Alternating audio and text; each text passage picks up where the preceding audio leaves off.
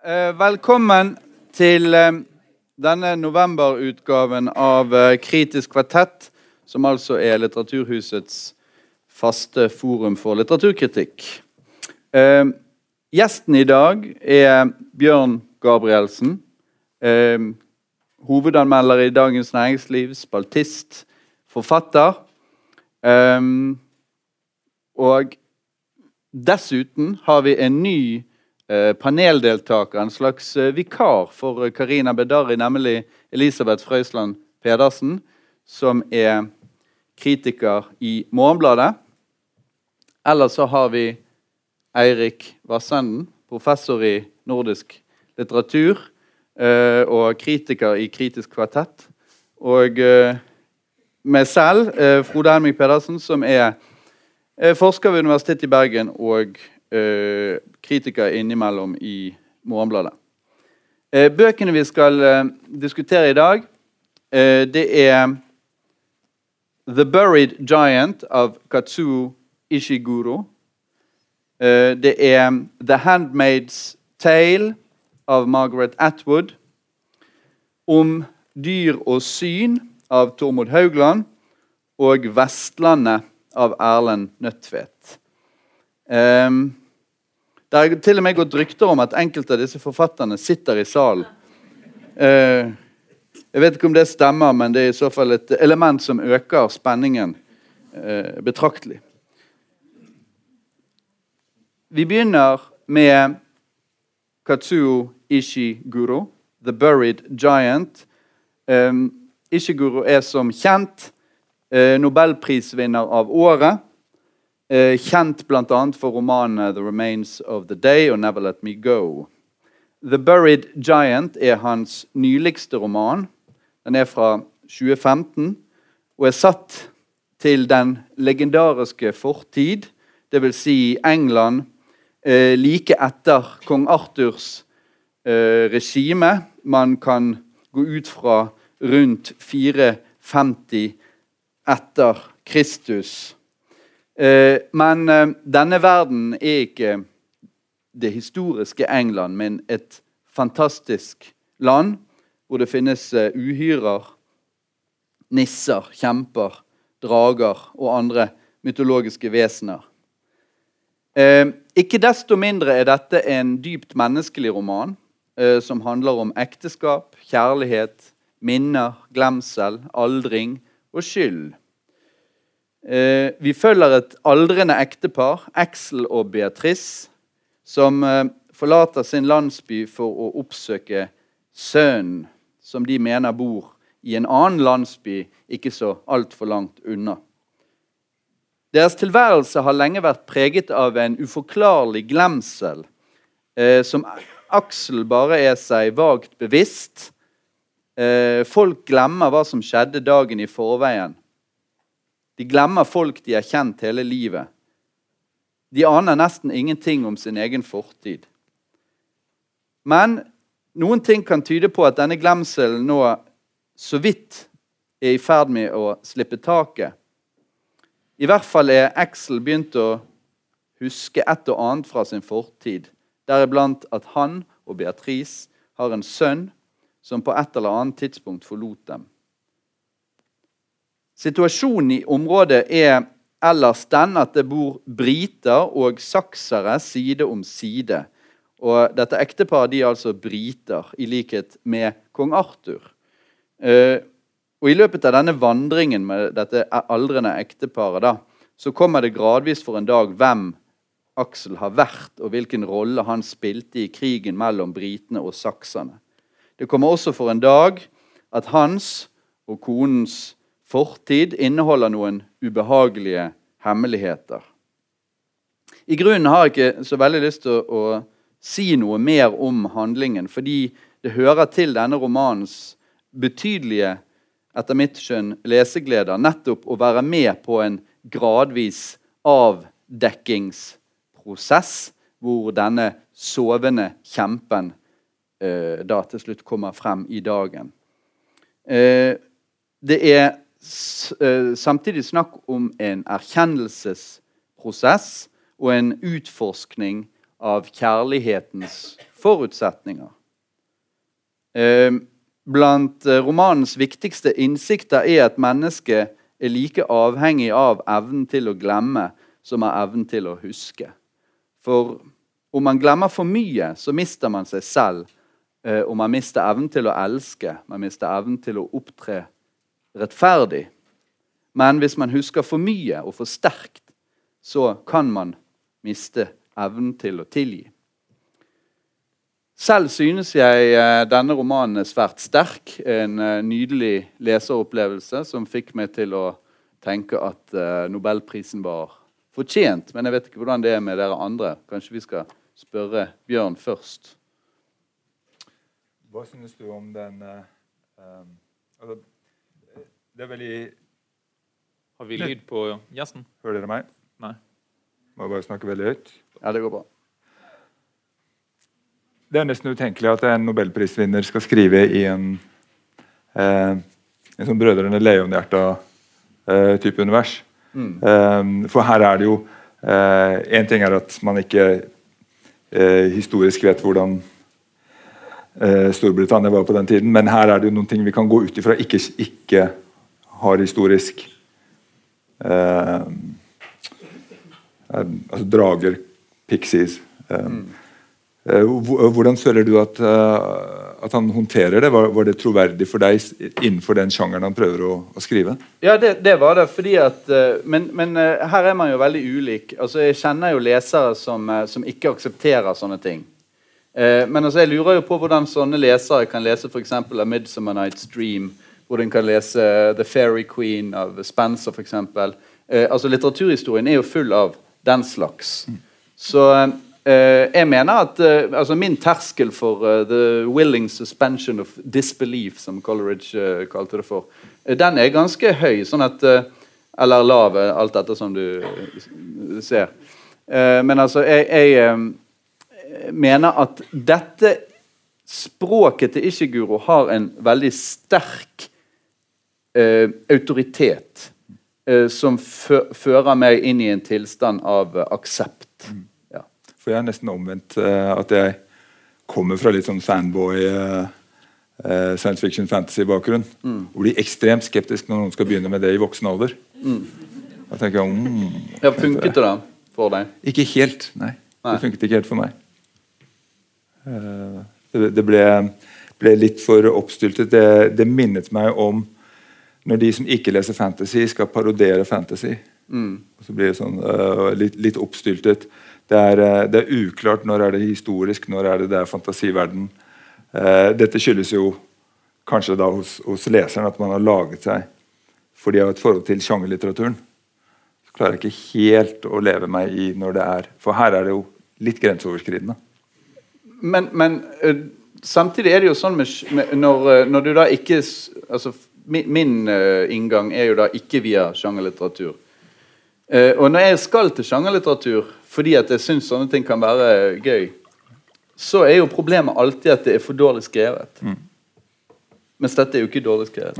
Syns du at dette er Har jeg lyd her nå? Sånn passe? Ja?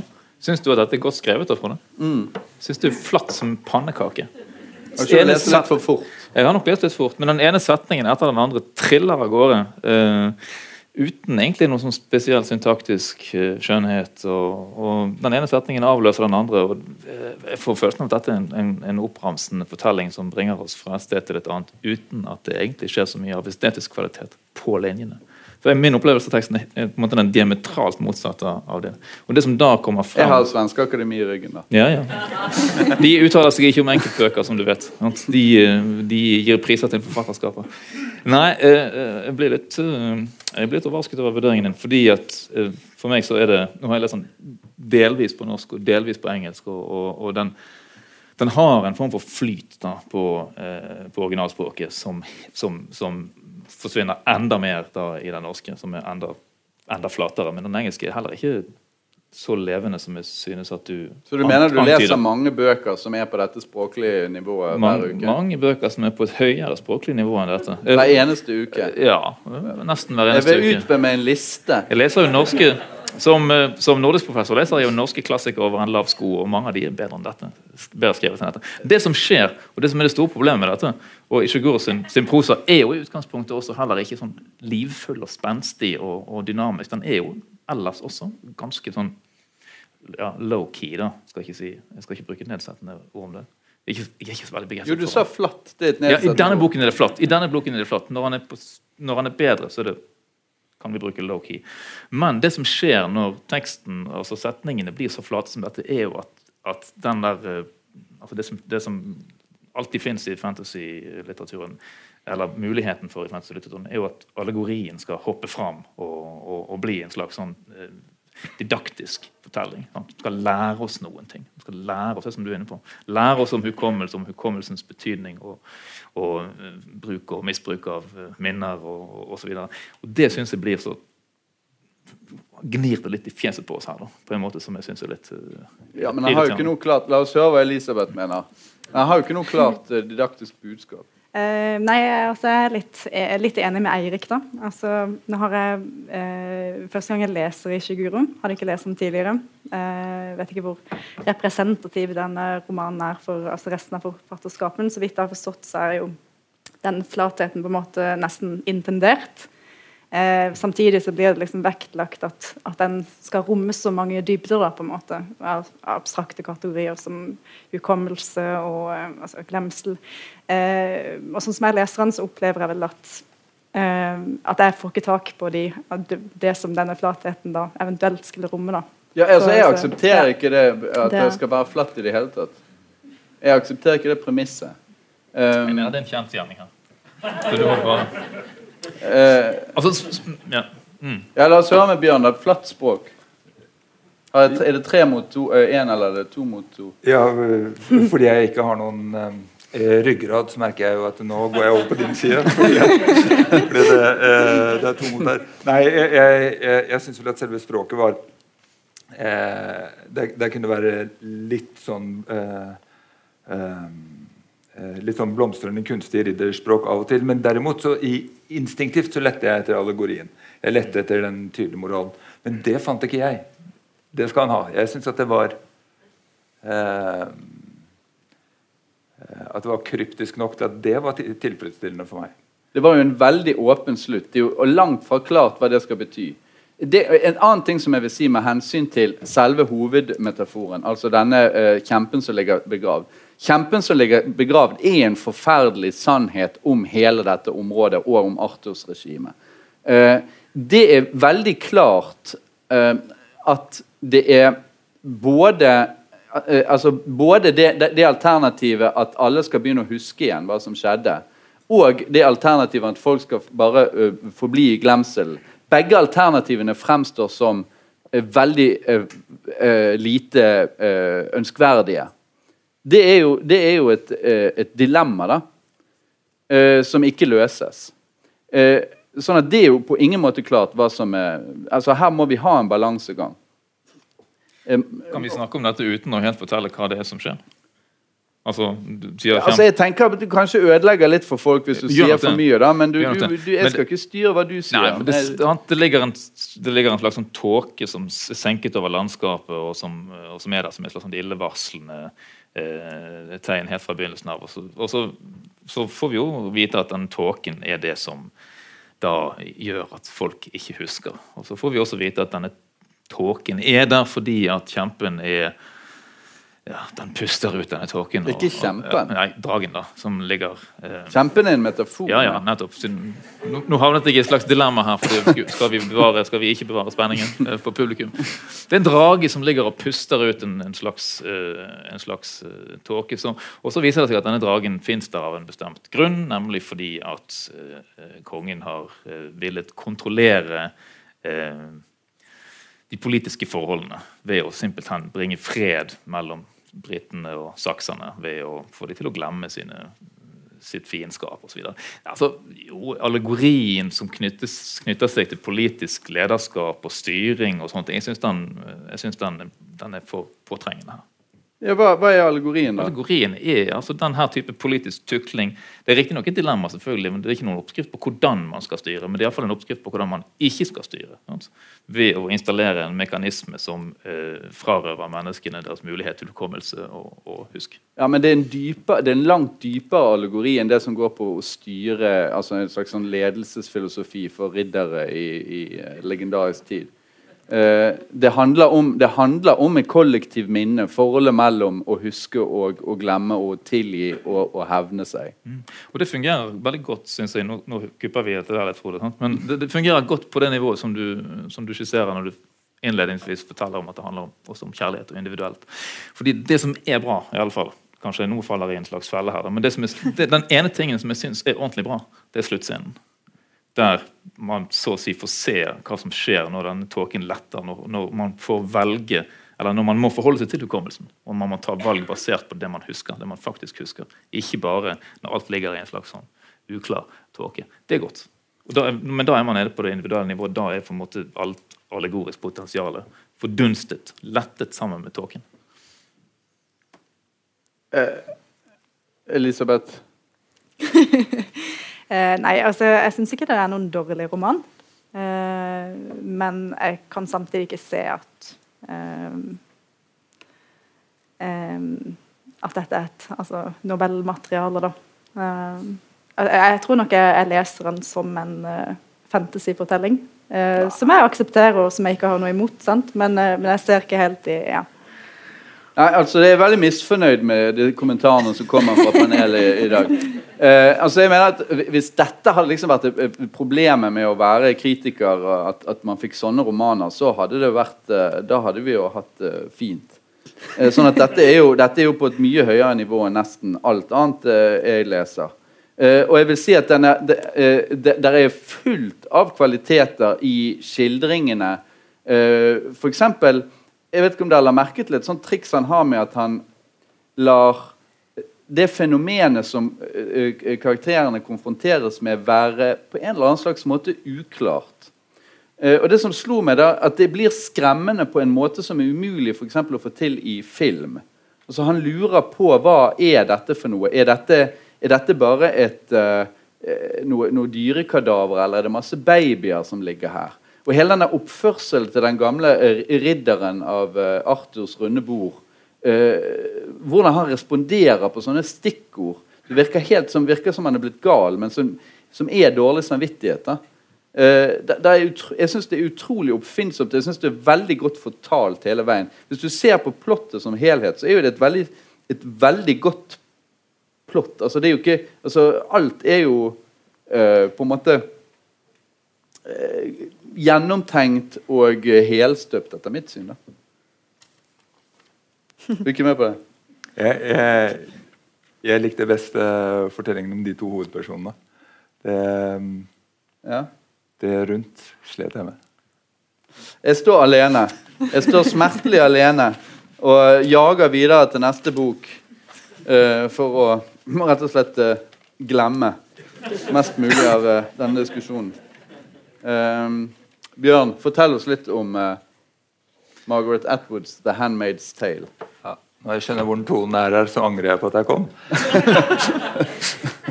Men uh, jeg valgte den fordi at den er jo, um, som dere sikkert alle vet, det ble øh, nummer én på Amazons bestselgerliste. Det har jo vært en, en stor serie. og er jo spesielt interessant i vår tid med, med Trump, og, og, nå også med den metoo-kampanjen, som jeg føler den også kan si noe om. Eh, den utspiller seg da i en nær framtid der det har vært et kupp i USA. Den gjenværende delen av USA som er under kuppmakerne, kalles for Gideon. Og er et slags teokrati eh, bygget på en helt ny amerikansk religion. Da. Eh, som da kan gi assosiasjoner til, til da mormonismen oppsto som en helt ny ikke-kristen religion basert eller eh, kristen påvirket religion i, på amerikansk jord. Eh, foranledningen er at eh, eh, fertilitetsraten har eh, sunket dramatisk, slik at de gjenværende fruktbare kvinnene de blir da på en slags måte levende livmødre for overklassen i dette eh, i dette systemet. Og de går på rundgang og skal føde barn eh, for lederne. Eh, og 'Handmaid's Tale' bygger da på jeg-fortellingen til en av disse, eh, en av disse handmaids. Det jeg syns gjør den så eh, interessant, den handler om to ting jeg er veldig opptatt av. Det ene er jo hvordan da en stat og et samfunn bruker minnet og historien. Og det andre temaet er jo damer. Um, og, og, det, og, det, første så er det jo da at um, jo, og I tillegg så kommer jo da det rent profetiske, som er litt sånn, i et wow-element. Men det kan jo også være tilfeldigheter. Det samfunnet som da går til grunne. I Margaret Atwoods uh, bok så er det så er folk veldig klare til å gjøre hva som helst bare for at man ikke skal ha muslimske terrorister. Den er skrevet i 85. det er Eh, porno er tydeligvis eh, fritt tilgjengelig. Um, og så er den også skrevet i en tid da man var ganske opptatt av uh, hva betyr det at penger nå er elektronisk og at vi har kort. slik at i dette samfunnet så kan jo da kuppmakerne uh, bare stenge all, kontoen til alle kvinner. Som gjør at de ikke kan flykte når det blir dette veldig misogonistiske uh, teokratiet. Det jeg syns eh, er ganske interessant, både at Atwood har skrevet og at de har utelatt i serien, er at i boka eh, så er en av fødselshjelperne for dette systemet er faktisk da den tradisjonelle 70-tallsfeminismen. Eh, hovedpersonens mor er en eh, sånn tradisjonell eh, pornoball, eh, brenner. hun har vært alene. Hun mener at menn Menn er nyttig til å reparere bil og til å spille fotball, ikke til så mye annet. um, og Margaret Atwood klarer på en måte som er ganske politisk eh, frekk og provoserende å gi ganske stor skyld Tilskriver ganske mye av skylden på denne eh, dette kvinnefiendtlige teokratiet på denne type mentalitet, som sier at kvinner er ofre, kvinner skal skilles fra menn. Eh, man må holde kjønnene atskilt fordi alle menn er overgripere.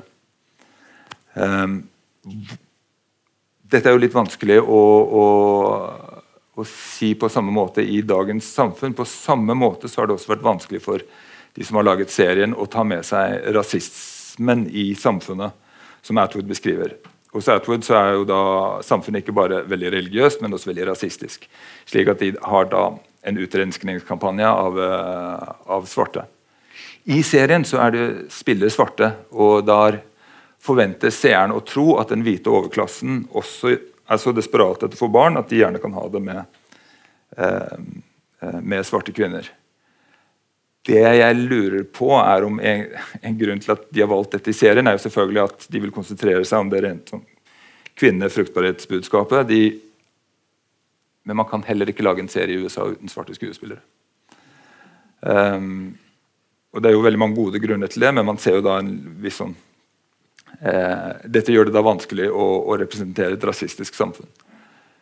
Um, jeg har en påstand om um, eller jeg liker da å lese romanene litt ut fra altså en, Et kriterium som gjør at jeg kan bli veldig fascinert av enkelte bøker, er jo at noen bøker kan fortelle nyheter på en måte som ingen andre medier kan. Noen romaner kan frem, beskrive en utvikling eh, som ikke andre kan. Og Selv om Atwood var veldig heldig akkurat det der med muslimsk terrorisme, og, og den type ting, det tror jeg er litt, eh, litt mindre viktig enn en måten hun fremstiller da mann- og kvinneproblematikken. I metoo-kampanjen så ser man nå at eh, konservative eh, kommentatorer i USA fremstiller eh, visepresident Pence som et godt eksempel til etterfølgelse, satt opp mot Harvey Weinstein. Eh, Pence han har da aldri eh, middag med kvinner andre enn sin kone. Tenk deg at du er kvinnelig ansatt i hans stab. Hva er sjansen for at du blir forfremmet når du aldri har hatt middag med ham? Um, slik at den Men,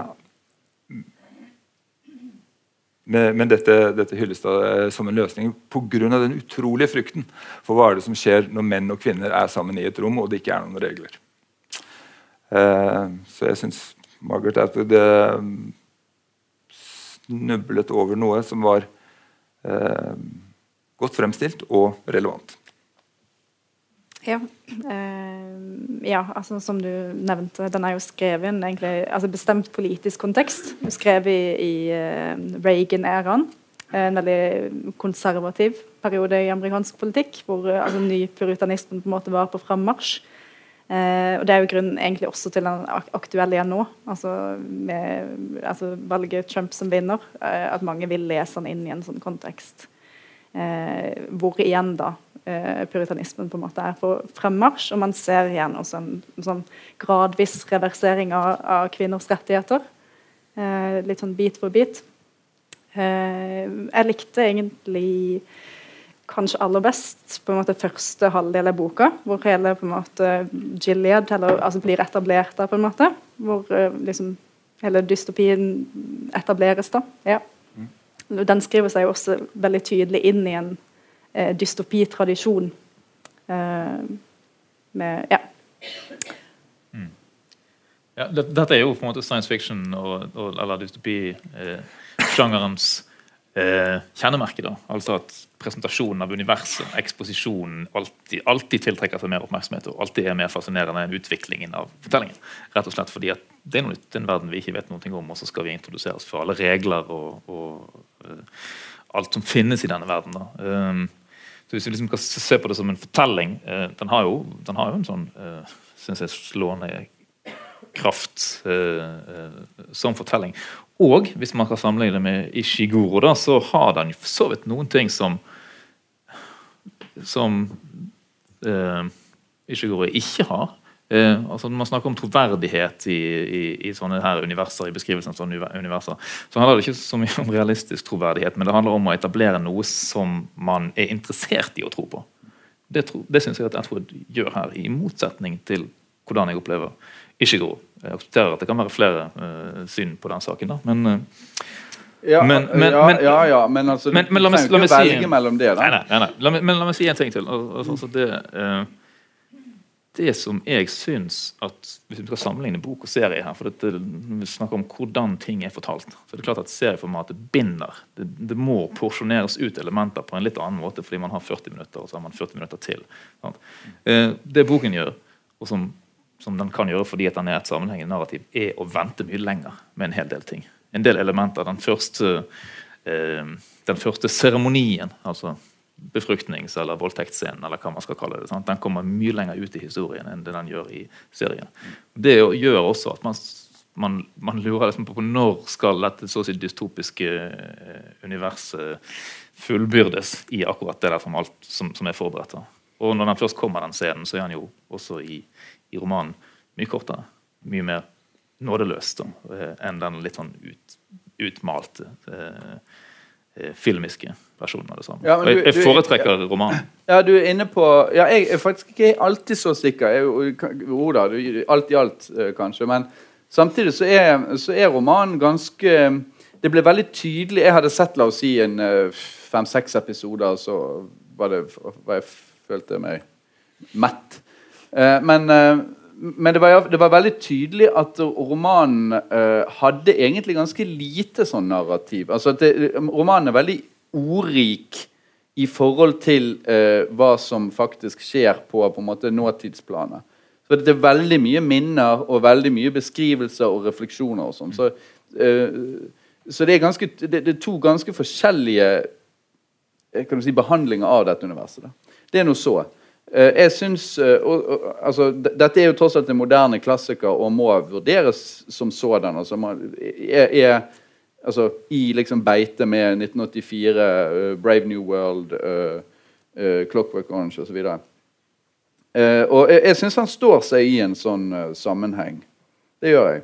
jeg er litt usikker på det der med, med hvorvidt, hvorvidt dette er en altså Det virker som iallfall du har tatt det for gitt at det er en slags feministisk roman, og du har gjort det kanskje. Men jeg, jeg må si at jeg er ikke så sikker på det. Eh, fordi at eh, det er jo klart at eh, i dette universet så er det jo for det første sånn at også menn undertrykkes. Eh, det er for det andre sånn at kvinner undertrykker kvinner. Disse tantene, de aunts, eh, er jo en veldig sterk maktfaktor i, i dette systemet her. Eh, sånn at Du kan like gjerne se det som en utforskning av maktens eh, logikk som av en spesifikk form for kvinneundertrykkende eh, politikk. Fordi at det er jo veldig ofte sånn hvis man ser på totalitære regimer, at nettopp det med reproduksjon eh, og, og, og, og, sånn, det er noe som man skal eh, få kontroll på. Eh, så ja, det er teokrati, det er, det er kvinneundertrykkende, men det er også undertrykkende mer kanskje generelt sett. For, for jeg tror ja. Hun har vært ganske eksplisitt i å ikke kalle det for, uh, for en feministisk bok. Mm. Um, og, så, og, her er, der er serien mer Hun har jo vært med på å lage serien, og det er bl.a. en scene hvor hun fiker til, til noen som Hun er vakt selv. Ja, en liten cameo. Men i um, men det virker som serien er mer opptatt av akkurat dette her, at, at mennene også blir uh, Fordi uten vanlig, normal kontakt med kvinner, så blir jo mennene helt hjelpeløse i hele sin atferd mot kvinner og mot hverandre. Uh, og Det er noen trekk som man kan kjenne igjen fra enkelte land der, som også har sånn apartheid mellom menn og kvinner. Uh, at det bare er en, er, er en hjelpeløshet og et resultat han, eh, han, som opptrer i boken, som har makt, og som han da møter, han bruker den makten til å skaffe seg alkohol, til å skaffe seg lesestoff. Lesestoff har blitt forbudt. Og han bruker det til å prøve å opprette vennskap med kvinner. Mm. Noe som er helt forbudt i dette samfunnet. Mm. Um, også det at det, ja, Hvordan da serien er laget i For den skal lages i 40 um, minutters bolker. der i boken så er det en scene hvor de hører på, på høyttaler. Så uh, hører de 'Blessed are the meek, blessed are the silent'. Og Da tenker noen personer at jeg er ganske sikker på at silent ikke, ikke var en del av det. Um, mens da i, i, i, serien så fremstilles det med at da er det en som siterer en del av Bibelen, og så kan hovedpersonen hun vet hva som følger etterpå. Og da blir hun jo prylet. For det er jo den type kunnskap som man jo alltid er redd for i i denne type totalitære stater. Mm. Kan jeg si noe til det? Um, egentlig, altså Mer en kommentar til det du sa, men, men du òg, for så vidt. Um, jeg tror ikke jeg ser altså, um, altså Det er en sånn motsetning mellom et altså, hierarki blant kvinnene uh, i forhold til det at det skulle være altså, en feministisk dystopi. men at jeg vurderer den som at den er mer ja, åpen i sin feminisme. da, altså som Den diskuterer makt ut fra ulike innfallsvinkler. Eh, men at den eh, likevel er eh, altså eh, feministisk. Mm. Eh, absolutt. Og, og, det er jo ikke tilfeldig heller at det er eh, kvinner og menn, fruktbarhet Mener jeg, da. Men, altså, men, sånn, så, så jeg mener det og, ja, men i hvilken grad den funker som samtidsdiagnose? Det er egentlig et spørsmål som jeg lurte lurt på også når det gjelder den serien. som er tross alt er veldig populær. Eh, hvilken grad ser man på dette som et slags eh, som et slags uttrykk eller en slags allegori eller metafor for hvordan faktisk tingene er i dag? Eh, jeg mener jo det at altså, som, Nå har jeg ikke sett serien, hvor jeg tror kanskje altså, det er mer Men altså, man skal jo være klar på at den er skrevet i 1985. Mm. Og ikke i 2016-2017. Eh, altså man har eh, altså ulike problemstillinger på ulike tider. altså sånn Det er ikke alt som kan nødvendigvis altså, hentes rett inn i en politisk kontekst eh, per i dag. Jeg mener allikevel at det sentrale er, er, er, ganske evig her, og det er at um, um, altså, uh, moralisme og ønsket om å kontrollere kontrollere ting. Det vil alltid gå utover, ja. uh, utover kvinner. og da ja. Eh, slik at det som er Dette er jo virkelig selve definisjonen av mansplaining. Eh, men, da, men det Eh, altså Kvinnefrihet er friheten til å kunne utsettes for, for, for uønsket seksuell oppmerksomhet. Ja, Har man ikke det? takk. Skyt meg nå. Nei, men jeg, jeg, mener det at boka er ganske åpen i sin altså diskusjon av frihetsbegrepet. da. Kanskje åpnere enn mange andre uh, dystopiske romaner jeg har lest, faktisk. At, uh, ja. Men også, sånn som, som Frode var inne på, det, det handler jo også om makt i sin måte, reneste og råeste form. Uh, og om den uh, paranoiaen som følger med. For disse makt, disse regimene går jo i stykker, for vi vet er et sånt altså en slags sånn pseudodokumentarisk etterskrift. De forskjellige regimene kollapser oppå hverandre. Med sånne folk som dere, som faktisk da Forsker, forskere tekstutleggere som har funnet for det, at, det kan vi jo si, The Handmaid's Tale er da et dokument som er overlevert på 15 eller 25 kassettbånd, eh, og som forskere da i 100, 150 år har drevet og forsøkt å utlegge og funnet ut, funnet ut, for å finne ut da om dette er for det første autentisk og når det er datert til osv. Litt usikker på om akkurat det, det er slags, kanskje et slags sånt uh, midten av 80-tallet uh, litterært grep. som kanskje... Nei, nei, nei, det var utrolig fett. Det syns jeg var utrolig Nei, det syns jeg var gøy. Det jeg, var jeg, har lest, jeg, har lest, litt for mange sånne konferanseinnlegg. helt liksom Nei, men jeg synes det, det har åpnet plutselig en enorm sånn der, eh, slags tidsmessig sluse på slutten. som er Plutselig så får du vite at dette er liksom et, et, et eldgammelt dokument som, mm. som, folk i 21 eh, et eller annet 60 sitter og prøver å finne ut av. Det syns jeg, var, det, det synes jeg absolutt var, var morsomt. For min del. Mm. Syns ikke det, Bjørn? Du som er Jo, jo, jeg, jeg, jeg, jeg syns det var kjempegøy. Men jeg, var, jeg, var, jeg syns også det var litt eh, litt vanskelig fordi det var rett og slett for gøy. Ja. Ja. Ja, så, og da er det, det er en del sånn type akademikerhumor hvor de ler i salen. Mm. De, og, er, og, så er det jo i tillegg Atwoods eh, miljøgreie. slik at dette universitetet er jo da i Nunavut i nordlige Canada. Mm. Og hvis man kjenner Atwood, så vet man at det er jo fordi resten av planeten er ubeboelig. Det er det eneste stedet de har akademi. Ja. Jeg har et ytterligere problem. Da, og det er at Når vi leser disse bøkene, her, så har vi jo av og til litt tidspress. Uh, og når jeg var kommet frem til slutten av boken, så var jeg sikker på at jeg var ferdig. Og så Nei! 20 sider til som handler om denne boken, da, og ikke, ikke en del av historien. Ja, ja. Eh, det svekker den jo ikke, selvfølgelig. Eh, jeg må si én ting da, som, som, som jeg syns overraskende nok da, jeg liker at romanen gjør som ikke serien gjør. Altså, Jeg har jo ikke lest, ikke lest en roman eh, før nå. Eh, men den er på en eller annen absurd måte mye mer visuell enn serien. Og det gjelder særlig fargene. Eh, altså I filmen så får vi, eller i serien så får vi et veldig sterkt inntrykk av, av disse, disse, disse røde eh, kjolene, de hvite kysene, eller vingene som det kalles. Da. Men, men eh, romanteksten klarer altså å mane frem mye sterkere fargekontrastene. De røde eh, handmaidsene, de grønne martaene, de blå husfruene, de hvite englene. altså en skarp, Skarpere visualitet. Det synes jeg kan være ok å løfte frem da, når litteraturen tross alt må konkurrere med seg sjøl i filmet versjon. Uh, vi oppsummerer med at uh, panelet likte boken, og at uenighetene ikke var så veldig store. vi går videre til, fra disse to internasjonale stjernene til de to lokale store fiskene. Eh, og begynner med Tormod Haugland sin roman av året om dyr og syn. En slags uh, Hauglands 'The Portrait of the Artist as a Young Man'. Ja. ja. To verden, fra to verdensstjerner til to bergensstjerner. Uh, uh, dette om dyr og syn er på mange måter en, en veldig altså, på hvert fall to måter en, en ganske tradisjonell eh, roman. Det er en oppvekstroman, det er en kunstnerroman, det er en odelsroman, altså, som jo det finnes, en, en, en, en, viktig tradisjon for i, i norsk romankunst. Vesaas eh, skriver kanskje den store eh, odelsromanen. Odelslitteraturen handler jo om å ikke ville ta over.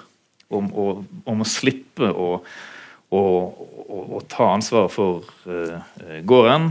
Og det innebærer, innebar, naturligvis en slags konflikt med, med uh, slekt, og særlig med far, selvfølgelig, da, som er den man overtar etter i odelsromanen.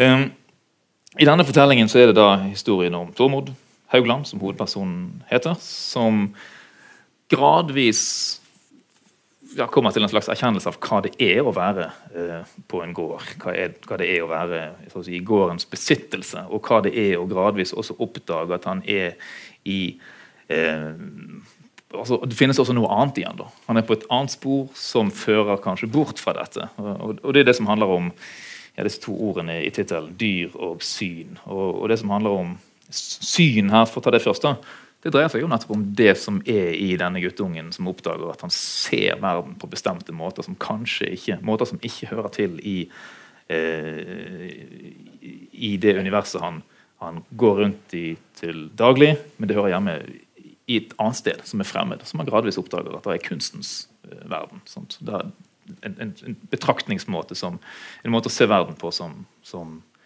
funker der. Det som handler om dyr uh, uh, i tittelen, det dreier seg da om hvilken plass uh, interessant nok, hvilken plass litteraturen har i verden. For, for, hva er litteratur for noe? Jo, litteratur det er jo det de som, driver, de som har tid til å lese, holder på med. Og, og man, man på, Er man en del av en gård, så har man i begrenset grad tid. Man er oppslukt av det daglige, av rutinene, av, av arbeidet som skal gjøres. Så for den unge Tormod så er da eh, litteraturen noe han forbinder med dyr. For dyrene de har jo ikke annet enn fritid. De kan lese. Så dyr, Dyrene blir da bærer av det litterære universet. her. Og, og så skjer det også det at, at og, og, dyrene, hva er, hva er, dyrene for noe? Jo, dyrene det er jo bare på en måte biomasse på vei til å dø.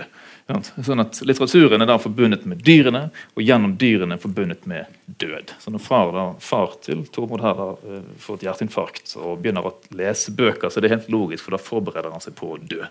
Og Litteraturen er en slags sånn vei til, til eh, døden. da. Eh, denne kunstnertematikken eh, reiser noen sånne eksistensielle refleksjoner og problemstillinger underveis, som løper liksom sånn eh, avveksler eller delvis hånd i hånd med, og delvis avløser det episoder fra denne unge eh, guttungen sitt liv. Helt trivielle på en måte eh, episoder. Han skal inn til byen for å få justert tannreguleringen sin. Eh, og, og, det må jeg si, det syns jeg er ganske, ganske, fint her. Han får, Haugland får til å lage de der små, trivielle anekdotene Får det til å bli så dramatiske og ganske fortettet og intense fortellinger. Historien om guttungen som skal ta bussen og så båten inn til Bergen og så skal han finne fram til tannlegekontoret. Og så skal han få tannreguleringen sin justert. Eh, så viser det seg at Han trenger ikke egentlig bli justert, han er inne og så ser de på tennene og så sier han kom tilbake om 14 dager og så skifter vi fjærene. Så blir han sendt hjem. Men selv i det klarer han å lage noen sånne intense en fyr som man ser på båten som gjør tilnærmelser. Og man sitter som leser og er egentlig ganske, egentlig ganske besatt, betatt av de der små eh, hverdagslige eh, glimtene her. Eh, og, og, det syns jeg, altså, synes jeg altså er, ganske, er, er ganske fint, til tross for at det er veldig enkelt. da. Og så skifter han av og til da, mellom de enkle historiene og noen litt, veldig distanserte metarefleksjoner. En sekvens der han og kameraten hans kliner med hver sin jente i et uh, busskur. Uh, og så er de i gang med å utforske ung seksualitet. Og så blar man om, og så står det en, en slags metarefleksjon på et helt annet nivå. Et, helt uten varsel.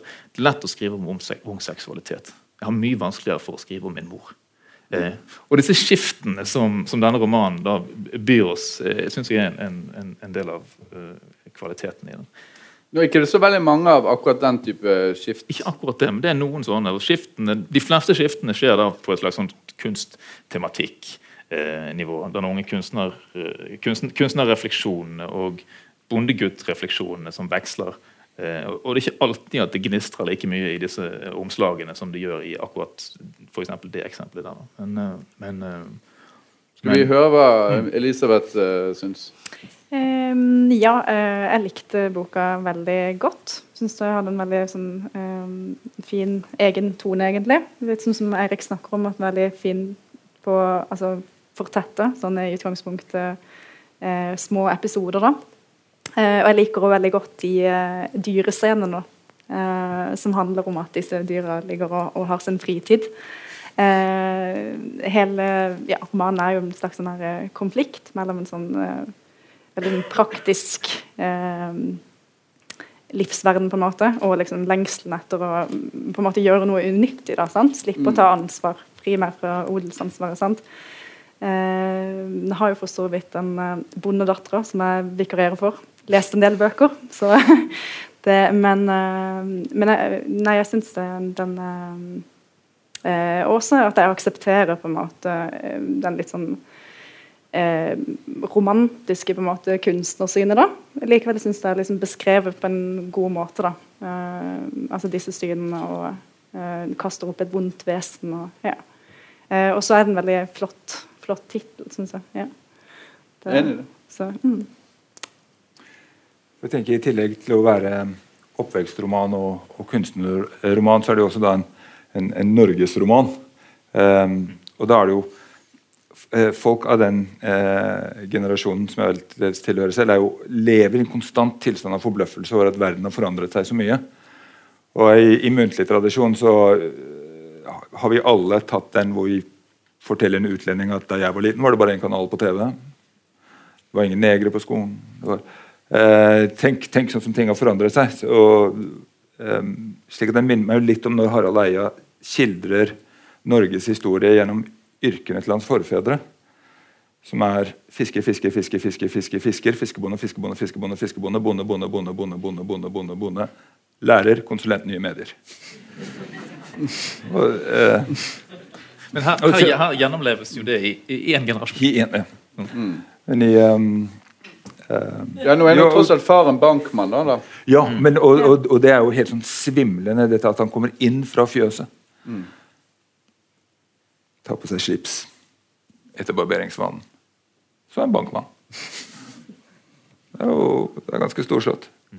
Jo, men det med dyr det er, så sier jeg noe som er helt essensielt for eh, og som er det store skillet mellom mennesker som har hatt mye med dyr å gjøre, og de som ikke har hatt dyr, med dyr å gjøre. og det er jo at han eh, ser på døden, det er naturtilstanden.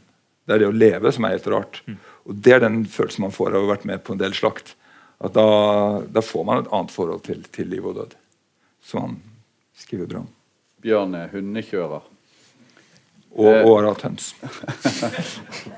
Jeg tror jeg synes det var fint det som altså, i de dyrscenene ikke er så dramatisk og handler om liv og død, men det som handler litt om dyras lediggang. Da. Altså det som ikke er så ja. Så dramatisk. Ja. Jeg, jeg, jeg, synes, jeg er enig i det som ble sagt om at eh, det er veldig eh, det, det er ikke noe lett å skrive om sånne vil si, trivielle småhendelser på en så spennende måte. Det er, det, er, det er faktisk denne bokens fremste fortrinn at, eh, at den får til det. Da. At du leser liksom en besettelse når, når de leter etter denne tapte oksen, og, eh, og, og, og når han det er jo noen sånne spenningselementer også, tross alt med at uh, han, han, tar, han eh, driver jo utøver litt vold på disse bygdefestene. Uh, og, og, der er det jo en sånn nesten litt sånn heroisk en heroisk fremstilling. Det, det handler jo litt om det der å være en ung, et ungt menneske og så oppdage at det finnes krefter i deg selv som du ikke helt visste fantes. Og det er jo selvfølgelig hovedsakelig fantasien, men fantasien er jo her ikke bare positiv. Altså Det er jo noe han også er redd. Det er et mørke som han er redd for å falle ned i. Og det er en synsforstyrrelse Ja. som plutselig viser seg uh, å, Ja. å, være en annen måte å se verden på. Sånn. Ja, Mens når han, når han da ble konfrontert av, eh, av eh, Slettergjengens uh, store bølle uh, Eller ble rett og slett slått til av, av denne branden. og reagerer med å, å ta en murer, det er altså en gammeldags storøl, eh, og, og fyre den i skallen på han, så er jo det eh, noe, noe annet, da. Eh, altså, da, da, da er det, men det, det, er samtidig, det er samtidig litt sånn eh, En form for sånn heroisme i det. Fordi at han, han, går også, han, stiller seg selv på en måte Han går tilbake igjen til han fyren og konfronterer han når, når eh, en eh, Kanskje en, eh, en mer, Hvis dette bare hadde vært et, et eh, en, I enkelttilfeller så hadde han ikke hatt mot til det, men han, han, han skal tilbake igjen. Han skal stå der. Han skal ta det som kommer. og det eh, viser seg at det blir en eh, ganske rask forbrødring. da. Et sånt uromoment i denne eh, boken, eh, som jeg ikke helt får grep om, eh, som ligger der og, og, og gnurer liksom i bukselommen hele veien, det er eh, noe som man finner i faren sin skuff. Nemlig faren sitt, sin slåsshanske fra Ja. Tysklandsbrigaden. Ja. Som han går med i lommen helt fra han er liten guttunge, og til han er uteksaminert fra eh, kunst- og håndverksskolen. Er det vel her, sant? Blir ikke helt, får ikke helt grep om det, men det er en slags sånn talisman eller noe sånt som man, som man bare har der. For han bruker den aldri i slåsskampene sine. Den bare er med der som en slags påminnelse om noen ting. Eh, en ting til som jeg kan si, da, eh, at, eh, som vi også bør ta med, det er jo et stykke virkelighetslitteratur. dette. Ja, absolutt. Eh, og, og det går helt inn i Og ikke bare går det inn i skjemaet som allerede er skissert opp av, av eh, vår venn eh, eh, Knausgård. Den er jo på en måte en slags diametral sånn- sånn vrenging da, av Knausgård sin fortelling. I og med at den, den er både en fortelling om å forsones med sin far. Altså om å forsones med sin far gjennom disse eh, halvt uttalte eh, motsetningene. Altså det er identifikasjon med, og det er eh, avklart forsoning med far. Og Utgangen av denne boken her er jo den motsatte da, av det eh, Knausgård viser oss frem i sin store fortelling, der han etter seks eh, eh, litt for tjukke bind setter seg inn i bilen sin og tenker nå skal det bli godt. Og setter seg av gårde og kjører og tenker at jeg ikke lenger er forfatter. Og så er det ferdig, alt dette. Mm. Haugland sin roman handler om at han får slippe dette ansvaret for gården. Får slippe å og, og med fars velsignelse gi fra seg gården. Eh, forsont med dette eh, kan bli kunstner. Eh, og sluttsetningen 'Jeg setter meg bare ned for å skrive'. Så Han går ut av denne fortellingen og inn i litteraturen. Altså motsatt vei av den andre. Ja, men Det er jo derfor det handler om uh, The Portrait of the Artist as a Young Man. Altså Det slutter idet han begynner som, som kunstner. Sant? Så det er, det er liksom prosessen frem. Det er jo en typisk uh, mønster for kunstnerromaner. Men jeg hadde lyst til å kommentere noe du sa i, i begynnelsen med det der uh, altså det, det, det, som du da åpenbart likte, det var det jeg likte dårligst tror jeg faktisk med hele boken. Akkurat den siden der hvor han, hvor han bryter av og sier at det er lett å beskrive ung seksualitet. Der føler jeg nærmest at han feiger ut. Uh, for det er litt pinlig når du begynner med liksom, disse unge kjønnsorganene. og sånn. Uh, og jeg føler virkelig at han tenker OK, og så sier han at det er lett. Jeg vet ikke om det er så lett.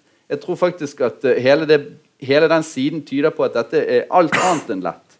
Det er, det er, det er et vanskelig ter territorium for en voksen mann å skrive om og det er litt pinlig når det er virkelighetslitteratur, tross alt. da. Ja. Men, jeg, jeg men, vet at jeg ville aldri ha gått inn på disse tingene. Men, men, samtidig så er jo noe av kvaliteten ved den scenen som vi snakker om, som kuttes over, at den er så lett skrevet.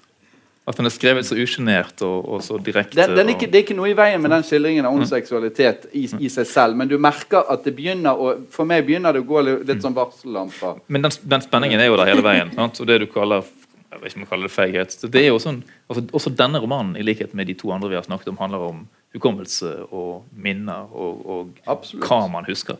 Og, og, det løper jo også en sånn refleksjon eh, som, under her som hele tiden problematiserer det som skjer. Som problematiserer disse historiene. Og det er åpenbart også at ja, at når de små fortellingene da om å gå på fest, om å lete etter oksen, om å dra til tannlegen, om å tenne sankthansbålet som, som går galt Jonsok-bålet, unnskyld. unnskyld. Beklager. Olsok og Jonsok. Ja. What's the difference? Det er en forskjell. Uh, Her er jo litt et poeng, da. Ja, ja det er sant. Uh, men altså, de, alle de fortellingene er fortalt som sånne små mikro uh, krimaktige fortellinger med plott og spenning. og sånne ting. Sant? De er konstruerte. Rekonstruerte og konstruerte. Og det reflekteres jo også over at, at disse, disse, tingene skjedde kanskje ikke akkurat sånn som de skjer her. Et, ja. et eksempel syns jeg er at de uh, Han sitter bak en kamerat, de kjører moped. Og så er det de forfølges av politiet. og um, men som alltid i denne boken, det, det, han opplever ikke noe som er mer spennende enn noe, enn noe dere har opplevd. Men men det bare, plutselig så er det den, den situasjonen. De forfølges av politiet, kjører scooteren over noe sånn buskas, og så, eh, og så krasjer de. Og så spør vennen går det bra med deg, og så svarer han ikke. Den han tar inn for å sjekke er spritflaska hel.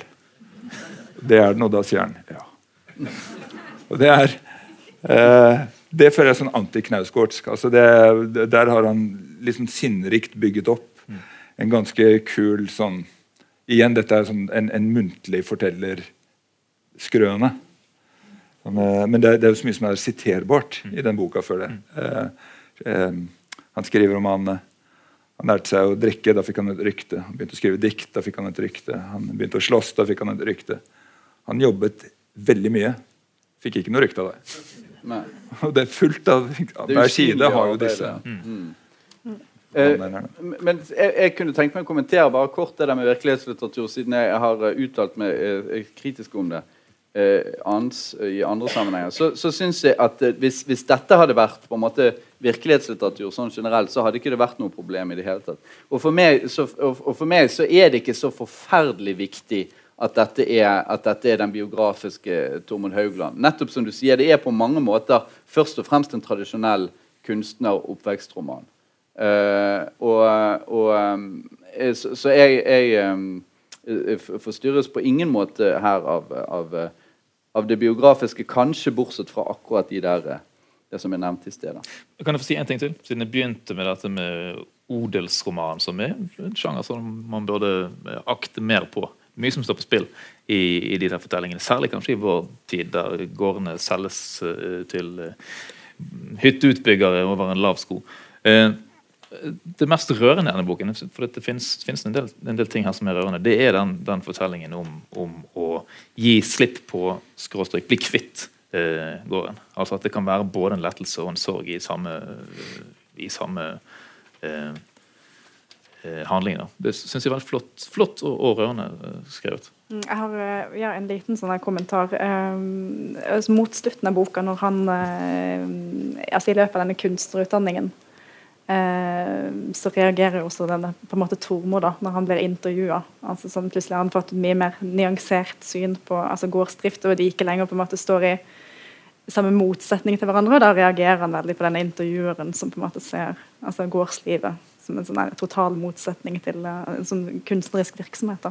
Mm. Det, det, er nok en siterbar scene. Han blir intervjuet ja, av uh, BA når han driver og monterer eksamensutstillingen. Så kommer journalisten og spør ja, hva skal kunstnere nå gjøre når dette er ferdig? Jeg skal tilbake på gården og drive den. Og da går journalisten bare rett videre til neste intervjuobjekt. For det er jo ingen som vil høre historien om kunstner som, som ikke vil være kunstner. Nei. Jeg tror vi må gå videre. Jeg, jeg kan bare forresten nevne at jeg syns det var et veldig interessant bergensportrett som var nytt for meg. Altså Bergen som mørkets by og flammenes by. Ja. Eh, som, slags, som, var et slags inferno av fantasi, egentlig. Det var det, det, var det han ble dratt mot. Det ligner på det å bli dratt ned en, mot en avgrunn, men også som tiltrekker.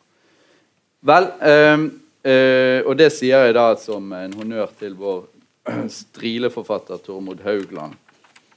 Eh, nå skal vi over til eh, en eh, bergenser som ikke vil være bergenser lenger kanskje, men eh, vestlending. Ja. Erlend eh, Nødtvedt. Eh, 'Vestlandet' er Erlend Nødtvedt sin tredje bok og første roman. Det ser sånn ut, med Jøssedals eh, fra Simon opp ned på forsida. Eh, og det er disse to muntre kompanjongene på baksida foran denne Toyota Camryen.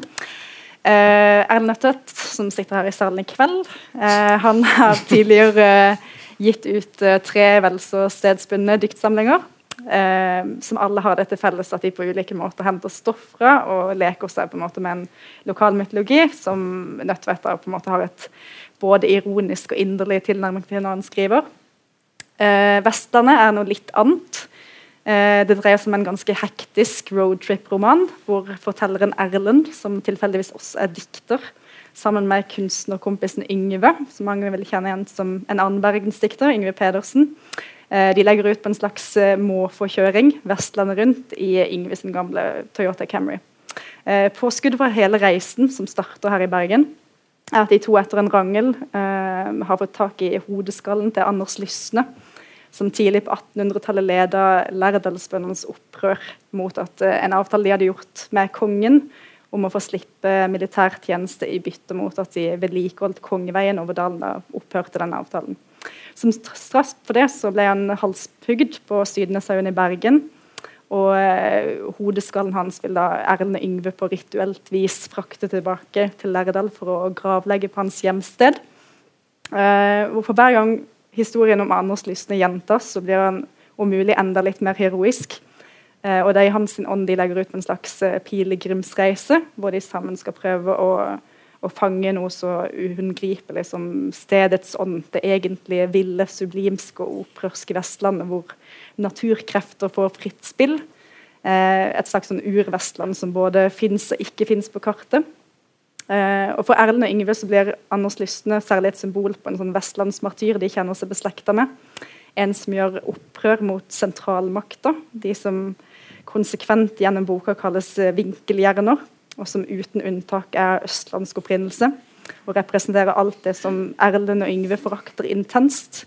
Eh, de vil utgivne hver sving, nedlegge hver ferje og forflate alt. Eh, på vei mot Lærdal og Filefjell tar de til tross for en såkalt Austmannen, eh, som er en eh, sånn østlandsk vinkel, gjerne på to bein, hele tiden følger tett liksom, på Kemrien og prøver å sabotere hele oppdraget. Eh, likevel så tar de seg tid til mange omveier. Eh, omveier som på sett og vis er mye av poenget med hele reisen. Eh, og Hvert kapittel tar på en måte form som en transportetappe og tar for seg en gitt veistrekning. Eh, og I stedet for å velge minste motstandsvei, så velger de seg med vilje den mest omstendelige melkeruta som byr seg. Eh, som Yngve i romanen sier flere steder, så skal man som vestlending være takknemlig for all den motstand man kan få.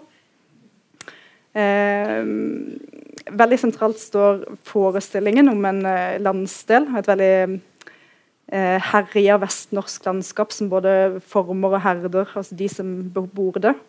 Eh, så sterkt at selv en bergenser og et slags eh, strilalibi fra Askøy kan eh, dele dette grunnvilkåret. Og hele veien så vektlegges da altså omgivelsers betydning. Eh, ofte overdrives lengselen etter en eh, liksom rå, opprinnelig natur. Eh, uten en sånn skepsis mot all form for kulturlandskaper i det hele tatt.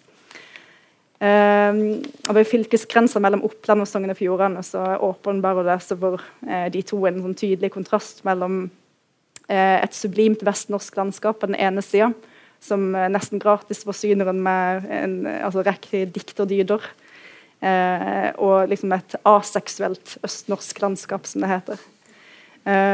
og På veien så drar de også innom type litterære pilegrimssteder, som, som Nødtvedt ofte er innom i sin dikt. Eh, det dreier seg om hjemsteder til forbilder som man alltid er i dialog med, som Jon Fosse, Olav H. Og Olav Nygaard. Eh, men denne romanen på en måte henter er kanskje mer inspirert av en annen eh, vestlandsk prosatradisjon. Mer sånn eh, burlesk eh, tradisjon, eh, særlig Rolf Sagen og Ragnar Høvland. Og De gir også da gjestopptredener her, i likhet med eh, geriljagruppa Vestlandske frigjøringsfront, som vil rive alle broer, eh, gjeninnføre ferjer og er motstandere av rassikring. Eh, underveis så møter de også et par sånn handlekraftige heltinner som på sånn eventyraktig vis eh, redder Erlend og Yngve da, fra en sånn blanding av innbilte farer og mer reelle hindringer.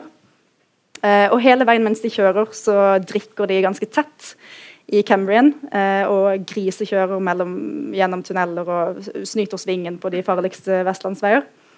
Eh, og utover å legge lista litt lavere for hvilke vitser man deler, så blir på en måte fylla også en slags måte å, å sannsynliggjøre det usannsynlige på. Eh, den kan være veldig forutsigbart, men samtidig ta den inn i noe ukjent. Eh, I et intervju som jeg leste med Nettvett, så snakka han om nettopp da fylla som en slags sånn Eh, katalysator. Et sånn signal om overdrivelser. Eh, på mange måter så følger hele denne boka en slags eh, fyllelogikk som tilsier at alt kan skje. Eh, og man kan for så vidt ha godt utbytte av å være i samme tilstand når man leser den. Eh, og der eh, Nødtvedt i, i, den forrige diktsamlingen 'Trollsuiten', som er veldig opptatt av eh, et begrep som det hypnagoge, altså overgangen mellom søvn og våken tilstand. Eh, og på samme måte som en snakker om sansebedrag som opptrer umiddelbart før en sovner, så sklir rusen i denne boka gjerne ut i en slags sånn fyllesyner. Hvor eh, forbilder som Olav Nygaard kan finne på å, å åpenbare seg. Eh, og Samtidig som Erlend og Yngve tar, hele tiden tar disse fysiske omveiene, så tar plottet hele tiden sånn små avstikkere. Eh, store deler av, av, dialogen mellom Erlend og Yngve drives liksom framover en sånn eh, slags uhøytidelig konkurranse om hvem som kan servere den saftigste forfatteranekdoten. Eh, han har alltid interessert seg for diktermyter, nødtvett, men her opptrer liksom forbildene mer som slapstick-aktige situasjoner. Eh, det gjør på en måte noe med tempoet til boka. Eh, iblant så blir det eh, litt vel mange transportetapper, som fortelleren på slutten av romanen sjøl påpeker. Eh, på en måte så er de halvgode vitsene en del av pakka, og boka er full av altså, vittige detaljer og one-linere. Men Eh, Selv liker jeg kanskje enda bedre de mer absurde eh, innslagene i, i, dialogen mellom Erlend og Yngve. Eh, blant annet er det en sånn passasje hvor de eh, vil forby asfalt, bortsett fra de hvite veiene, eh, som skal skinne som sankthansveier. Eh, så altså litt påfallende med denne boka da, at eh, altså Nødtvedt som er en veldig sånn språkbegava forfatter, eh, at eh, overskuddet her på en måte kanskje eh, ligger enda mer på et sånn plottnivå. da. Eh, de episodene som eh, skjer underveis. her Western er liksom mer gjennomført skrøne, hvor på en måte leser tilnærmingen til det mytestoffet som Nødtvedt ellers virker å Eh, ta på alvor som en altså, mer tøysete tilnærming. Da. Eh, men eh, så er det ja, iblant eh, altså noen scener som eh, Den scenen som jeg synes er den flotteste i boka, som jeg nesten skulle fått Eirik til å lese etterpå, Eh, er en eh, Erlend i sånn slåtteekstase under en eh, Nils Øklands-konsert, hvor han da på en måte fantaserer over Anders Lystne skjebne, som da blir på en måte parallellført med dette eh, felespillet, som jeg, som jeg syns er ja, veldig, veldig flott rytmisk. Og, ja. Hva syns du? Um, uh, Bjørn, hva syns, syns du, er du enig i denne jeg, jeg oppfattet dette som en u, nesten uforbeholden ros. Ja, og da det, akkurat dette, denne bolken har jeg eh, gruet meg litt til. For mens jeg leste den, så tenkte jeg virkelig hele tiden at dette bekrefter min, altså, Dere vestlendinger er ikke som oss andre. det der, det kunne Når jeg har anmeldt bøker fra Nigeria eller fra Ecuador, har ikke kostet meg noen ting. Selvfølgelig kan jeg å skrive om denne Dette her er ganske fremmed. Også. Altså. Det er jo 'Fair and Loathing Deep in the Fjords'. og det er um, For den bygger jo opp på det samme at det er rus og bilkjøring uh, og, og, og, fester. Um, uh, og, og, jeg, og jeg, jeg, jeg, er jo hele tiden usikker på hvor mye er parodi, og hvor mye er, er riktig. Det er På et punkt så er de i bilkø. Det er vel De skal over Filefjell til Lærdal, er det der, og så mm. kommer det og da, da, er det eh, en sånn taterpakk av alle mulige slags folk. Det er fattige striler som skal vaske vinduene, og det vil ingen ha noe av. Og jeg tar meg og tenker Er det sånn? Ja, det er sånn. Nei, det er ikke sånn. Og så for å, for å, komme ned Det er så bratt ned at de må ha en vinsj oppe for 200 kroner for å feste i, i, i hengefestet for å senke bilene ned. Og det er sånn hvite veier, fordi at det er et sted hvor det er noe brudd av noe stein som brukes for å lage hvite veier. Det er ikke bare det de skal ha hvite veier. Det som for meg, sett utenfra, er ekstremt vestlandsk, det er jo at disse gutta de skal ikke ha noe midtstripe på den. um, slik at jeg, uh, jeg, jeg vet På meg det, det, ser ut som en kultroman fra en, en kultur jeg ikke, ikke helt klarer å lodde. Da. Men du har ikke lest altså, Rolf Sagen og Ragnar Haaland? Jo, jeg har lest masse Ragnar Hovland, og jeg kjenner dette igjen. ikke sant, og da, jeg tenkte at ok, Hvis du setter Ragnar Hovland der og Levi Henriksen der, mm. så skjønner, altså, da, da, ser man altså at det, det, er ikke bare et geografisk skille uh, i, i, i, fjellene, det er, det er jo også et kulturelt uh, skille. og Det er jo, det er jo utrolig provensielt å, å, sitte og, og file sant, på de forskjellene på vestnorsk og, og østnorsk, men det blir veldig tydelig i denne boka.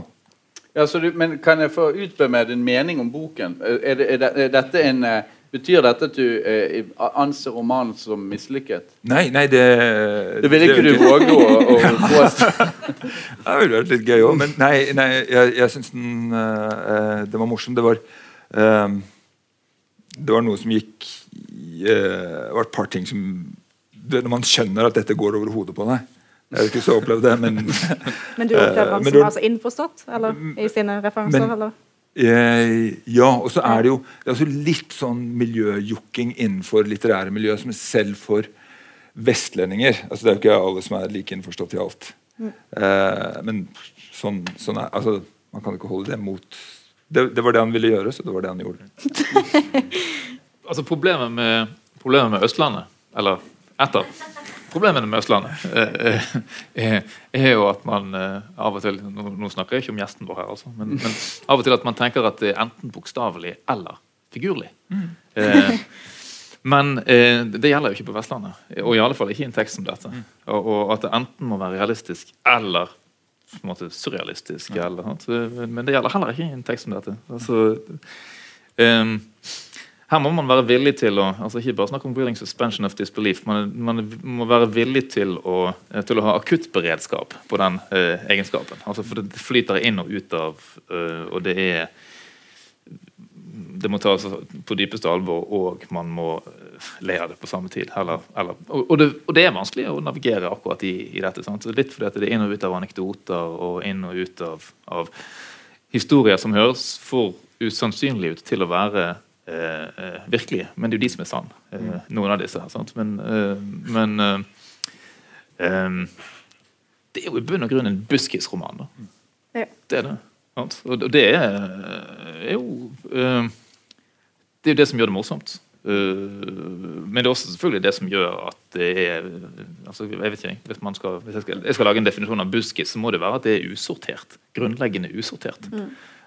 Det er det som man på lands stevnet ville kalle for buskspel. Altså det som foregår litt sånn utenfor de oppsatte kategoriene og konkurransene. Det som foregår eh, til glede for publikum som ikke helt vet hva som treffer dem. Mm. Eh. Jeg tenker Et sånn høydepunkt i det der burleskeriet, den der eh, Lærdalsmarknaden da, mot uh, slutten av romanen. Ja, det, er jo, det er jo apokalyptisk, da. Eh, Karneval. Ja. Mm. Ja, ja, altså Slutten er jo bortimot apokalyptisk, sånn som jeg ser det. Altså Vestlandet raser jo inn mot, ja. uh, mot disse.